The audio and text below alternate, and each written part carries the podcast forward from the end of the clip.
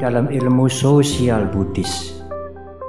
Ajaran tentang meta cinta kasih adalah ajaran dasar yang diberikan oleh guru agung kita kepada kita. Tidak hanya menghargai semua kehidupan, tetapi juga menerima semua kehidupan.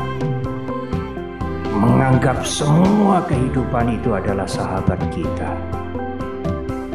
Sebenarnya, kalimat Bhinneka Tunggal Ika yang dituliskan oleh emputan tular di lontar Sutta Soma adalah penjabaran ajaran meta, cinta kasih menghargai semua kehidupan, meskipun itu kecil dan lemah.